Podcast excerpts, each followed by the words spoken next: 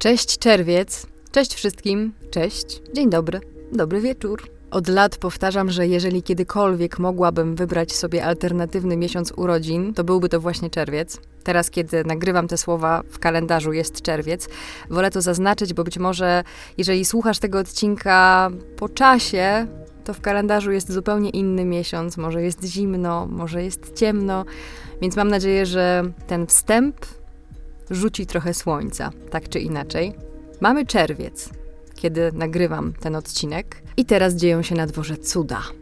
Dzień się rozciąga, jakby był z gumy. Wszystko fantastycznie kwitnie. Moje kondolencje dla alergików, ja na szczęście nie jestem.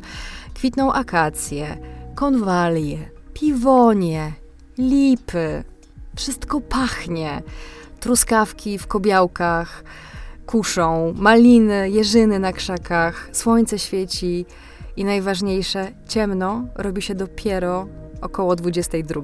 Co roku to mnie tak samo zaskakuje i tak samo raduje, kiedy wyglądam przez okno, wychodzę na dwór, wychodzę gdzieś na taras, patrzę na zegarek, widzę, że jest 21.30, patrzę na niebo i tam widzę 18.30 biorąc pod uwagę samą aurę na zewnątrz. Niesamowite jest dla mnie to, jak dzień potrafi być długi.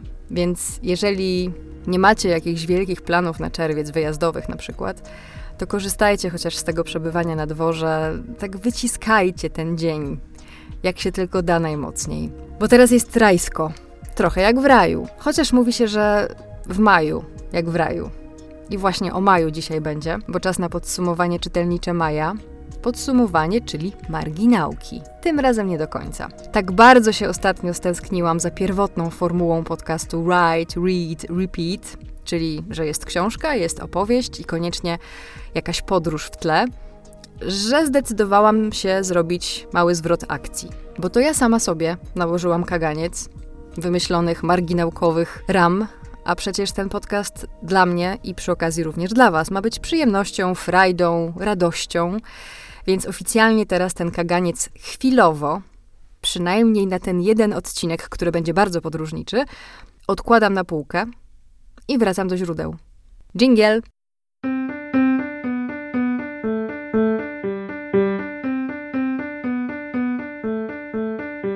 Dzisiejszy odcinek sponsorują ciepło, ciekawość, smutek, zwyczajność i przyjemność oraz mapa świata. Dobrego odsłuchu.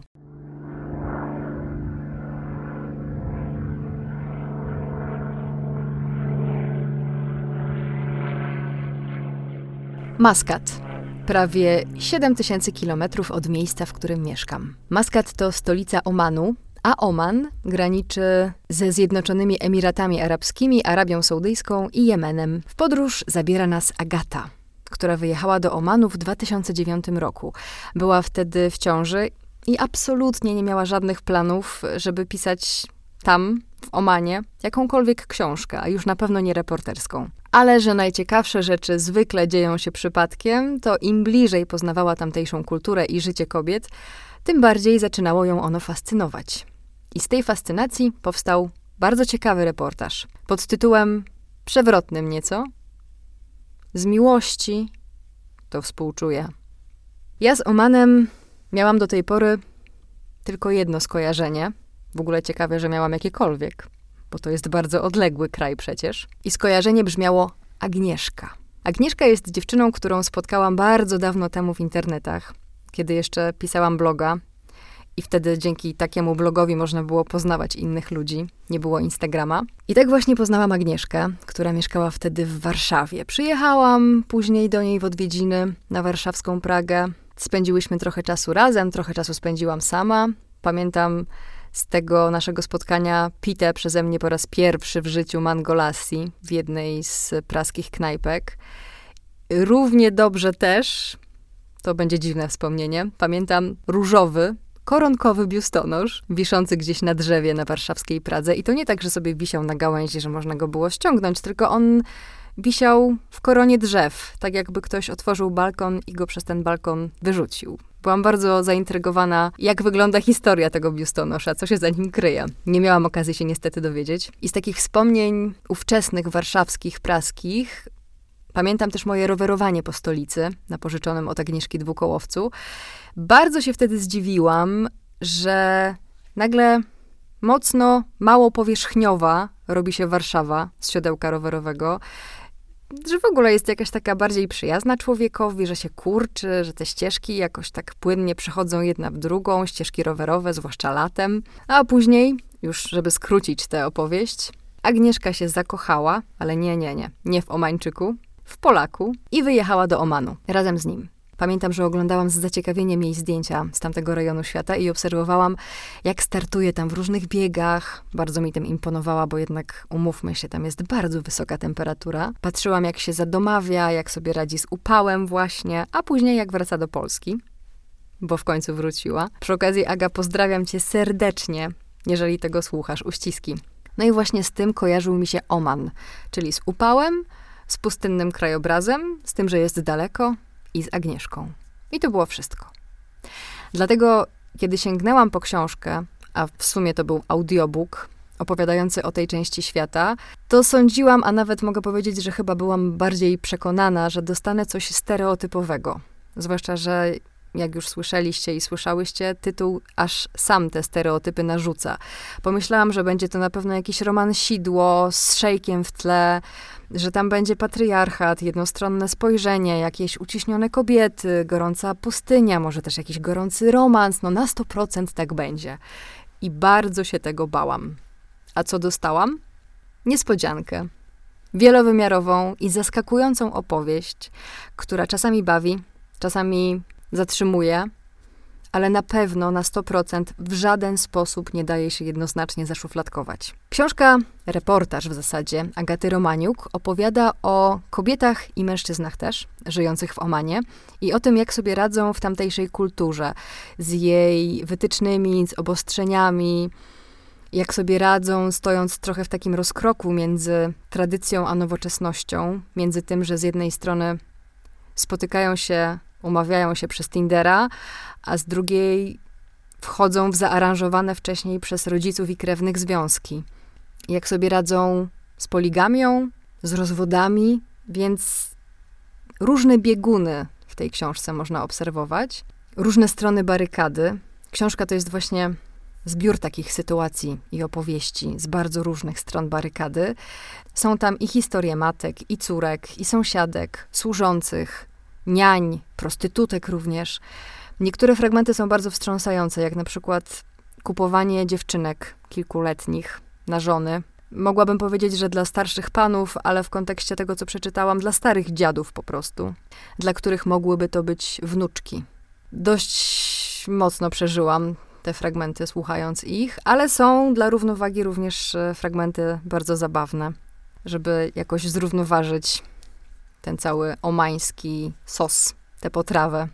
Przez dłuższą część audiobooka zastanawiałam się, jak to się stało, że bohaterki w ogóle chciały rozmawiać z autorką, bo poziom intymności w niektórych historiach jest tak duży, że to na pewno nie mogło się odbywać przypadkowo gdzieś na targu albo na kawie u znajomej, tylko to było coś dużo głębszego. I w wywiadach, których udzielała Agata Romaniuk, oczywiście zostawię wam namiary na źródła w opisie odcinka, mówi, że nie pojechała do Omanu jako reporterka, tylko właśnie jako typowa turystka, dziewczyna z brzuchem, w zaawansowanej ciąży, więc prowadziła tam normalne życie. Chodziła do przychodni, przemieszczała się z dzieckiem po mieście, załatwiała różnego rodzaju sprawy w urzędach. Poza tym na miejscu nie miała ani mamy, ani siostry, ani jakiejś bliskiej przyjaciółki. Była sama, więc okoliczne kobiety przegarnęły ją, traktując trochę jako samotną matkę, mimo że była tam oczywiście z ówczesnym mężem.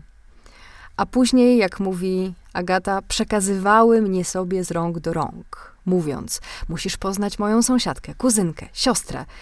Nie zagadywałam ich, że piszę książkę i chcę poznać ich historię. To przyszło dużo później.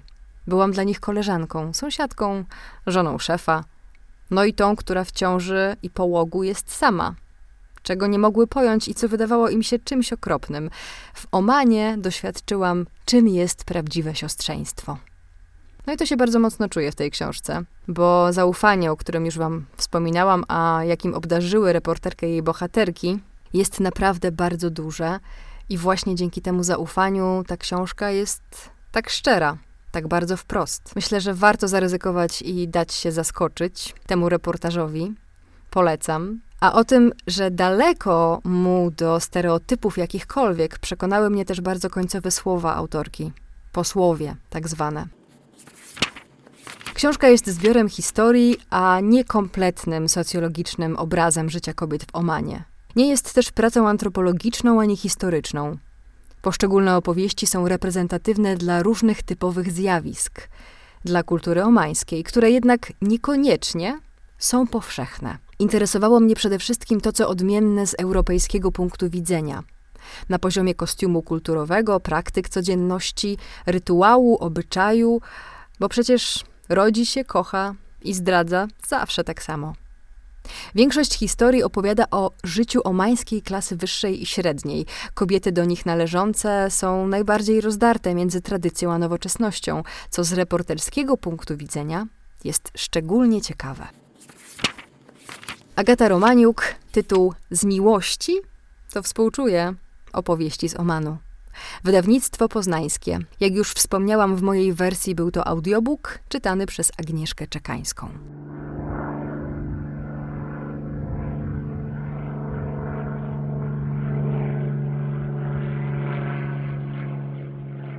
Indie. Około 21 godzin samolotem, z przesiadkami oczywiście, od miejsca, w którym mieszkam. W podróż zabiera nas Katarzyna. Ta sama, którą możecie pamiętać być może z odcinka podcastu pod tytułem Umrzyj sobie o jej książce Ganbare Warsztaty umierania, czyli Katarzyna Boni. Jej druga książka Auroville, Miasto Marzeń, czekała u mnie na swój czas. Była kupiona dosyć spontanicznie, muszę przyznać. Nawet bym powiedziała, że kompulsywnie. Leżała potem cierpliwie na półce długie miesiące i czekała na swój moment. I ten moment w końcu nadszedł, właśnie w maju, kiedy potrzebowałam czegoś kojącego, co mnie trochę wyciszy, uspokoi, da się zanurzyć w opowieści o jakimś miejscu, ale nie będzie to żadna drastyczna opowieść, tylko właśnie taka kojąca. No i taka jest książka Auroville, Miasto Marzeń. Czym jest Auroville? Bo to jest miejsce, o którym ja nigdy wcześniej nie słyszałam i być może wy również. Auroville to jest miasto idea, Miasto marzenie, miasto rozwój, miasto eksperyment. Oficjalnie powstało 28 lutego 1968 roku. Tego właśnie dnia kilka tysięcy ludzi zebrało się na pustyni w Indiach razem z delegacjami ze 124 państw świata oraz przedstawicielami UNESCO i tam ogłosiło budowę miasta przyszłości. Miejsca, które w założeniu miało być dla każdego, dla wszystkich i jednocześnie dla nikogo. Nie należące do nikogo i należące do wszystkich. Taki trochę paradoks.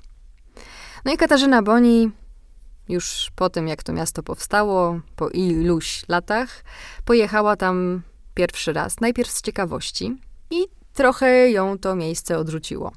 A później, po kolejnych kilku latach pojawiła się tam ponownie, już bardziej reportersko, żeby sprawdzić i spróbować zrozumieć, o co w tym miejscu tak naprawdę chodzi.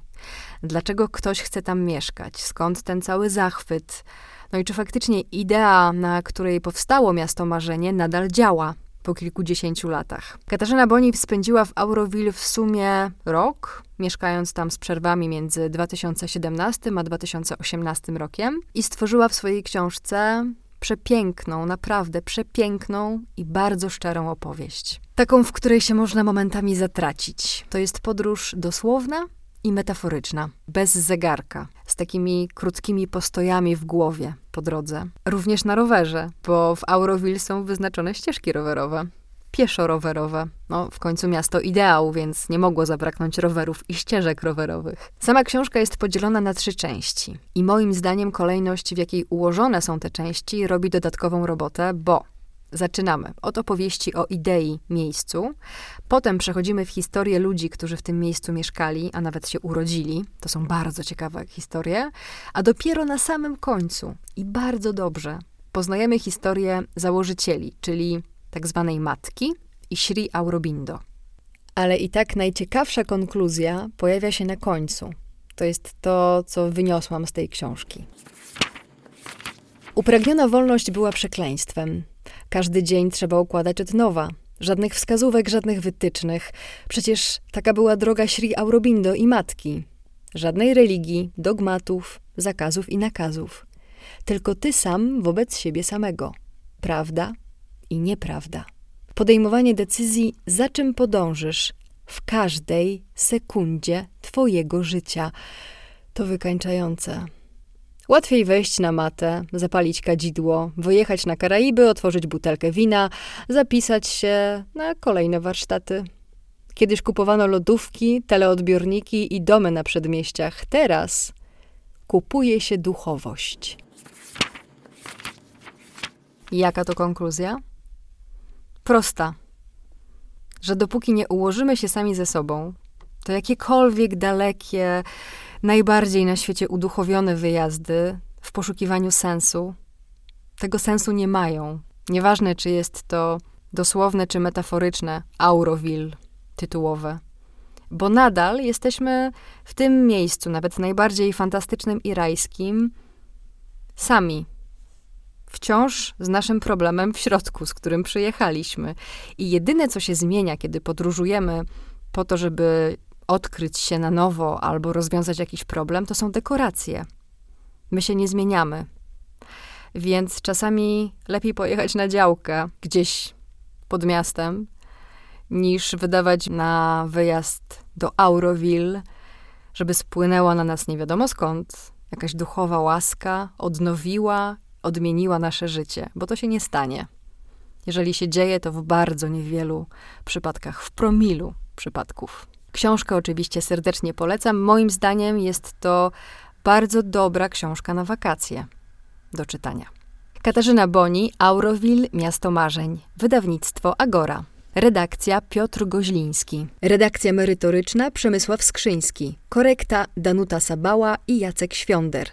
Projekt graficzny okładki, która jest przepiękna, Krzysztof Iwański. Redaktor prowadzący Katarzyna Kubicka. I mapa, ponieważ we wnętrzu możecie sobie zobaczyć mapę Auroville, Wawrzyniec Święcicki.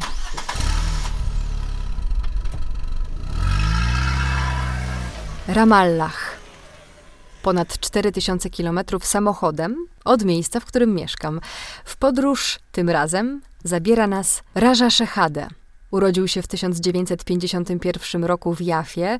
Jest palestyńskim pisarzem, prawnikiem, obrońcą praw człowieka, jednym z twórców organizacji praw człowieka Al-Haq, czyli Prawda autorem wielu książek na temat prawa międzynarodowego, praw człowieka oraz Środkowego Wschodu. Jego książka, po którą sięgnęłam, za chwilę się dowiecie dlaczego, nosi tytuł Palestyńskie wędrówki. I przyznam się szczerze, że chyba nie czytałam nigdy wcześniej tak napisanej książki, a przynajmniej sobie tego nie przypominam. To są eseje spacerowe, eseje piesze, eseje wędrownicze, tak to sobie nazwałam w głowie, z prawami człowieka w tle, z historyczno-polityczną grą w tle, z niezbyt wesołą sytuacją społeczną w tle. I to tło jest tak naprawdę główną osią książki.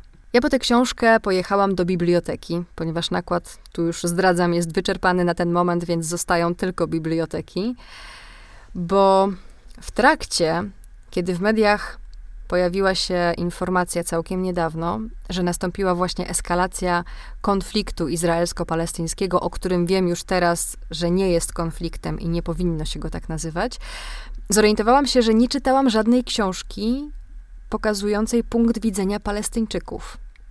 I właśnie wtedy pojawił się w różnego rodzaju poleceniach Raja Shehade. Jego książka Palestyńskie wędrówki, zapiski o znikającym krajobrazie otrzymała w 2008 roku nagrodę Orwella. To jest nagroda przyznawana zgodnie z ideą, żeby, tu cytat, wznieść pisanie polityczne na poziom sztuki.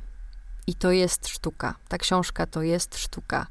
Wędrujemy przez palestyńskie wzgórza, przy okazji dowiadując się wielu społeczno-politycznych, ale też przyrodniczych informacji. To jest bardzo gorzka książka, ale też bardzo ważna i bardzo warta przeczytania. Czytałam ją w przerwie rowerowania na trasie trzech około poznańskich jezior Rusałki, Strzeszynka i Kieksza.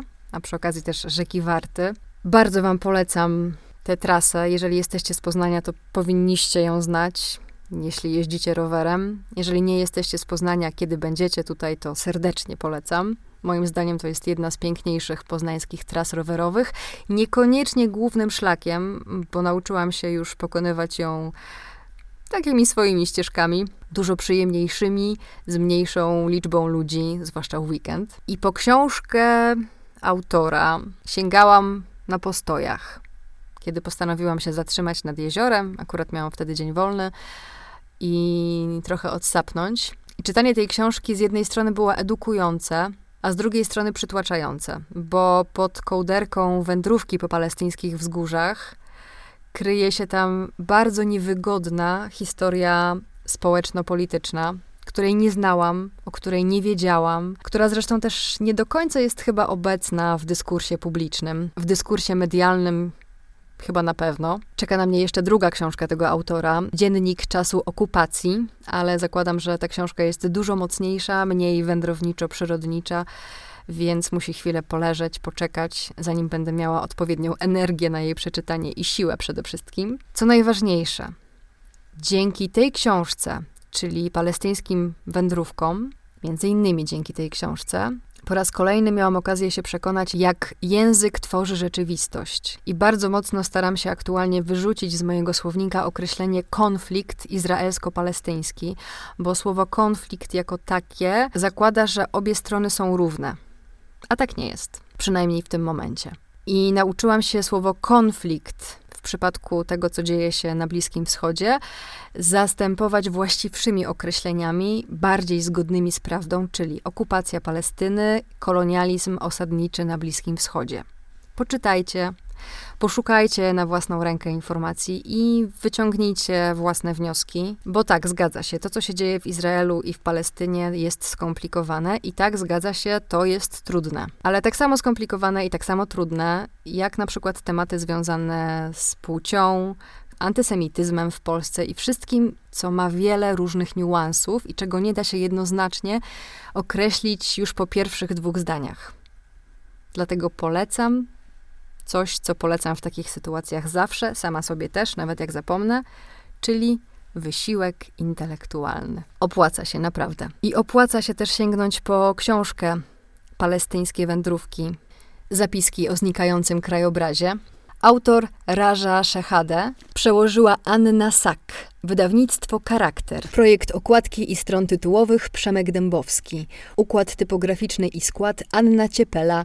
Redakcja Małgorzata Pasicka. Korekta Barbara Gąsiorowska, Paulina Lenar. Konsultacja merytoryczna Marcin Rzepka. Zastanawiałam się też, czy polecić wam przy okazji tej książki serial, który niedawno miałam okazję obejrzeć. To jest serial, który ma trzy sezony jest dostępny na Netflixie. Dotyczy właśnie sytuacji w Izraelu i w Palestynie. I o ile pierwsze dwa sezony są w miarę akceptowalne przez obie strony, o tyle trzeci sezon jest przez stronę palestyńską absolutnie nieakceptowalny. Więc powiem tak, dla, dla poczucia klimatu zerknijcie, ale wcześniej poczytajcie trochę na temat tego, co się dzieje w Izraelu i w Palestynie. Poszukajcie w miarę obiektywnych źródeł, na przykład serwis Outriders, polecam serdecznie. A tytuł serialu brzmi Fauda, pisane przez U w środku. Nie wiem, czy polecam. Jako ciekawostkę chyba bardziej podrzucam.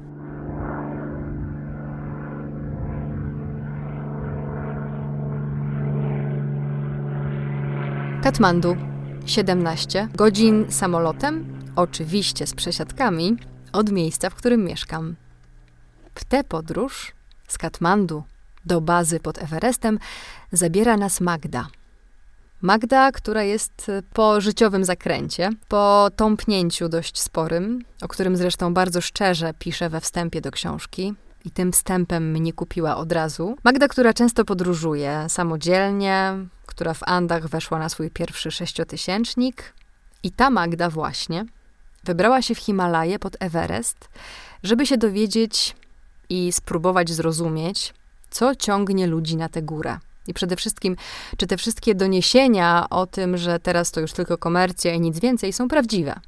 I ja wam nie odpowiem na to pytanie, bo po przeczytaniu książki W cieniu Everestu Magdy Lasoty mam dużo więcej pytań niż odpowiedzi, ale też czuję się ze sobą dużo lepiej. Ciekawostka, bo Magda w tej książce, pisząc i opowiadając historię innych ludzi, którzy wybierają się na Everest, daje przyzwolenie na bycie sobą. Pokazuje, że właśnie to bycie sobą jest najważniejsze, że to o to tu chodzi. Z wadami, zaletami, że to całe ego, które pcha nas w góry, na przykład, często dostaje po nosie i że to, co ładnie wygląda na obrazkach, na zdjęciach, ma za sobą opowieść, która wcale nie jest taka ładna. Ta książka, jakbym miała ją streścić w jednym zdaniu, powiedziałabym, że jest o zwyczajności, ale opowiedzianej w taki sposób, że ta zwyczajność nagle staje się zaletą, a nie wadą. Poznajemy w książce zarówno wspinaczy, szerpów, jak i samą autorkę nieco bliżej. Jeden z moich ulubionych cytatów z tej książki, bo mam ich mnóstwo zaznaczonych, sparafrazowany brzmi mniej więcej tak, że każdy z nas jest niezwyczajny, ale po prostu większość z nas wybiera bycie zwyczajnymi. To są słowa, nie pamiętam czy wspinaczki, czy wspinacza, ale jednej z osób, które właśnie wybierają się na Everest. I te słowa do teraz zostały we mnie, że o byciu niezwyczajnym decydujemy sami. O tym, czy chcemy przeżyć życie tak zwyczajnie, normalnie. Nie ma w tym nic złego. Czy chcemy zrobić coś zapierającego dech w piersiach, co znajomi będą kwitować krótkim wow. I że tak naprawdę to wszystko zależy od nas.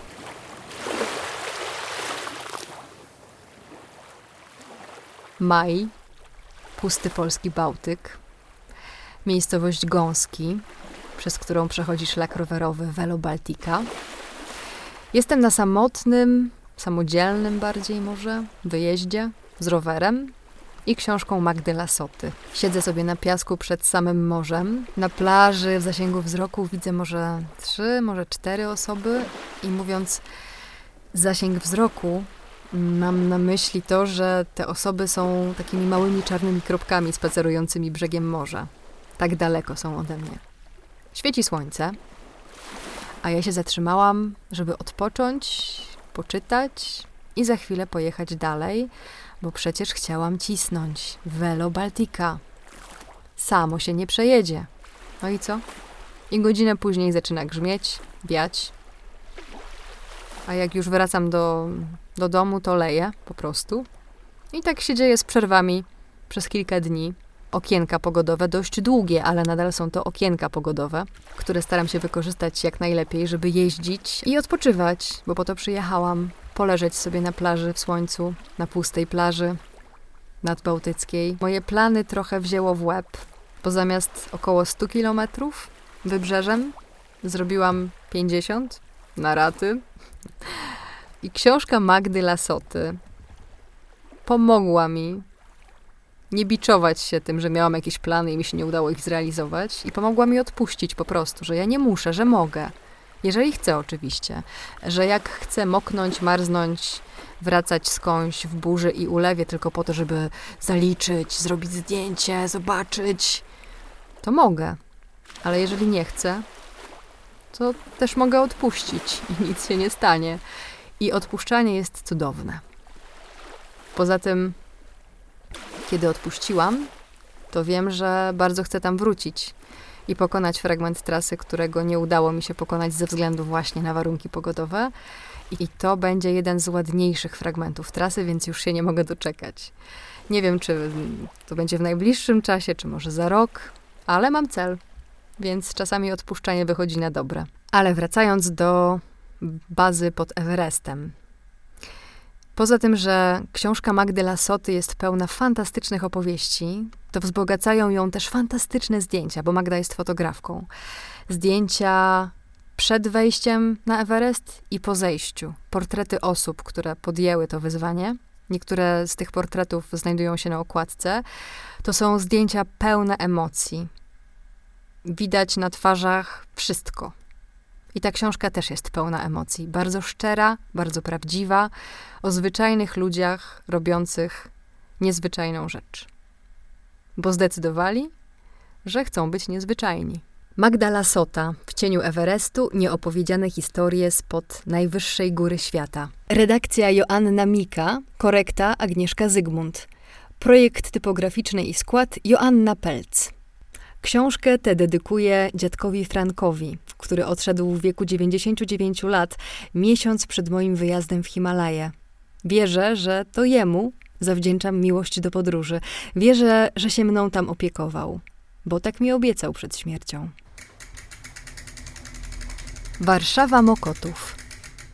16 godzin i 16 minut. Google jest tak bardzo dokładny. Rowerem od miejsca, w którym mieszkam. Na Mokotowie znajduje się sklep rowerowy Trirent, we współpracy z którym Maria, nasza przewodniczka, stworzyła e-booka Cudo. Po przeczytaniu, zwłaszcza jeżeli kochacie jazdę rowerem, będziecie chciały i będziecie chcieli 5 minut później spakować się i jechać na nocleg rowerem do lasu. Koniecznie z chipsami w bagażniku. Kim jest Maria? Maria jak sama o sobie pisze, to freelancerka, copywriterka, projektantka graficzna, fanka kolarstwa gravelowego, bikepackingu i początkująca zawodniczka ultra. Kiedy nie jeździ, z całych sił stara się uratować świat, działając na rzecz ekologii, zrównoważonego rozwoju oraz walcząc o prawa kobiet. A czym jest ten cały bikepacking? Nie ma definicji. Nie istnieje żadna słownikowa, wikipediowa definicja bikepackingu. Czym bikepacking jest, a czym bikepacking nie jest. I wbrew pozorom otwiera to bardzo dużo możliwości, bo jak pisze Maria w e-booku, brak sztywnej definicji bikepackingu oznacza, że możesz uprawiać go w dowolnej wersji, dokładnie tak, jak jest ci najlepiej. Moja definicja bikepackingu brzmi sztuka zapakowania na rower wystarczająco mało, żeby móc wygodnie spędzić w terenie minimum jedną noc. Dzięki wycieczkom na rowerze odzyskujemy poczucie wolności i niezależności, którego brakuje nam w codziennym życiu z e-booka pod tytułem Poradnik Bikepackersa, czyli jak przygotować się do wyprawy rowerowej. Dowiecie się m.in. jaki rower wybrać, żeby wam się najlepiej jechało, co wziąć do jedzenia, jak zabezpieczyć dwa kółka podczas spania w lesie, albo dlaczego lepiej zabezpieczyć siebie niż rower. Jest też trochę o załatwianiu potrzeb fizjologicznych, bo jak się okazuje tutaj technikalia też mają pewne znaczenie. Jeżeli się boicie zwierzaków i komarów, Również znajdziecie tu odpowiedzi na te wszystkie swoje strachy, a raczej rozwiejecie te strachy. A do tego w e-booku znajduje się też lista miejsc w lesie, gdzie możecie bezkarnie na legalu wisieć sobie na hamaku i nocować. I najważniejsze, są też polecajki zestawów kawowych do robienia porannej kawy w terenie, która smakuje w takiej wersji po spaniu pod chmurką fenomenalnie. No po prostu cud miód orzeszki. E-book zresztą został wzbogacony o zdjęcia mm, ekipy z Coffee Tea Trip, wytrawnych kawoszy i kawoszek terenowo-rowerowych. Bardzo Wam polecam ten e-book z całego serca. A na rozruszanie przed e-bookiem, jeżeli macie konto na Instagramie, kochacie wycieczki rowerowe i w ogóle wycieczki outdoorowe, koniecznie, obowiązkowo zaobserwujcie profil RSF Archive czyli The Rough Stuff Fellowship Archive. To jest stowarzyszenie, klub, powstał w pubie niedaleko granicy walijsko-angielskiej w 1955 roku, co czyni go w ten sposób najstarszym klubem kolarstwa terenowego na świecie. I widać to na zdjęciach, które z jednej strony bawią, z drugiej strony zachwycają. One są pełne radości z jazdy na rowerze. Kojarzą się z takim dawnym stylem, z czasów, kiedy po prostu można było wsiąść na rower w koszuli, w krawacie, w swetrze, bez jakichś specjalnie stylowych ubrań, mieć czapkę z pomponem, a przejażdżki wykonywało się po to, żeby się po drodze zatrzymać, wypić kawę, herbatę, zapalić fajkę. Zdjęcia i stylówki, które znajdziecie na tych zdjęciach, niesamowite. Powstała też jedna książka, album, właśnie opisująca RSF Archive. Teraz szykuje się druga ze zdjęciami. A zdjęcia no, wyrzucają z butów po prostu.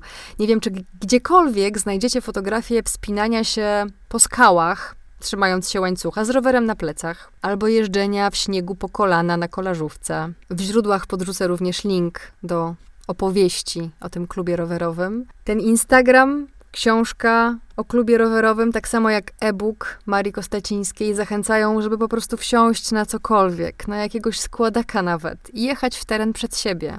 Bo tu nie chodzi o rower, o wypasiony rower. Tu najważniejsze jest towarzystwo i przygoda. Marię też możecie śledzić na Instagramie, polecam, na profilu Pojeść, Pojeździć, a darmowego e-booka zgarniecie zapisując się na newsletter sklepu Trirent. Takie proste. Poradnik Bikepackersa, czyli jak przygotować się do wyprawy rowerowej, Maria Kostacińska. Współpraca Łukasz Brykczyński. Zdjęcia Wojciech Waloch. To kiedy jedziecie do lasu? Ja już niedługo. Zresztą o lesie będzie całkiem sporo w kolejnym odcinku, a na ten moment to wszystko. Czytajcie na zdrowie, podróżujcie, łapcie słońce. Jeżeli macie ochotę podzielić się tym odcinkiem, wysłać go w świat, dać łapkę w górę na YouTubie, zasubskrybować, zrobić te wszystkie rzeczy, które się robi w internecie, będę bardzo wdzięczna. Będę się do Was szeroko uśmiechać i będę mieć motywację po prostu do dalszego nagrywania. I co, słyszymy się już niedługo. Cześć! Good evening, Magdalena. Have you seen the man on the bicycle? Seen the man on the bicycle? Is he not standing next to you? No.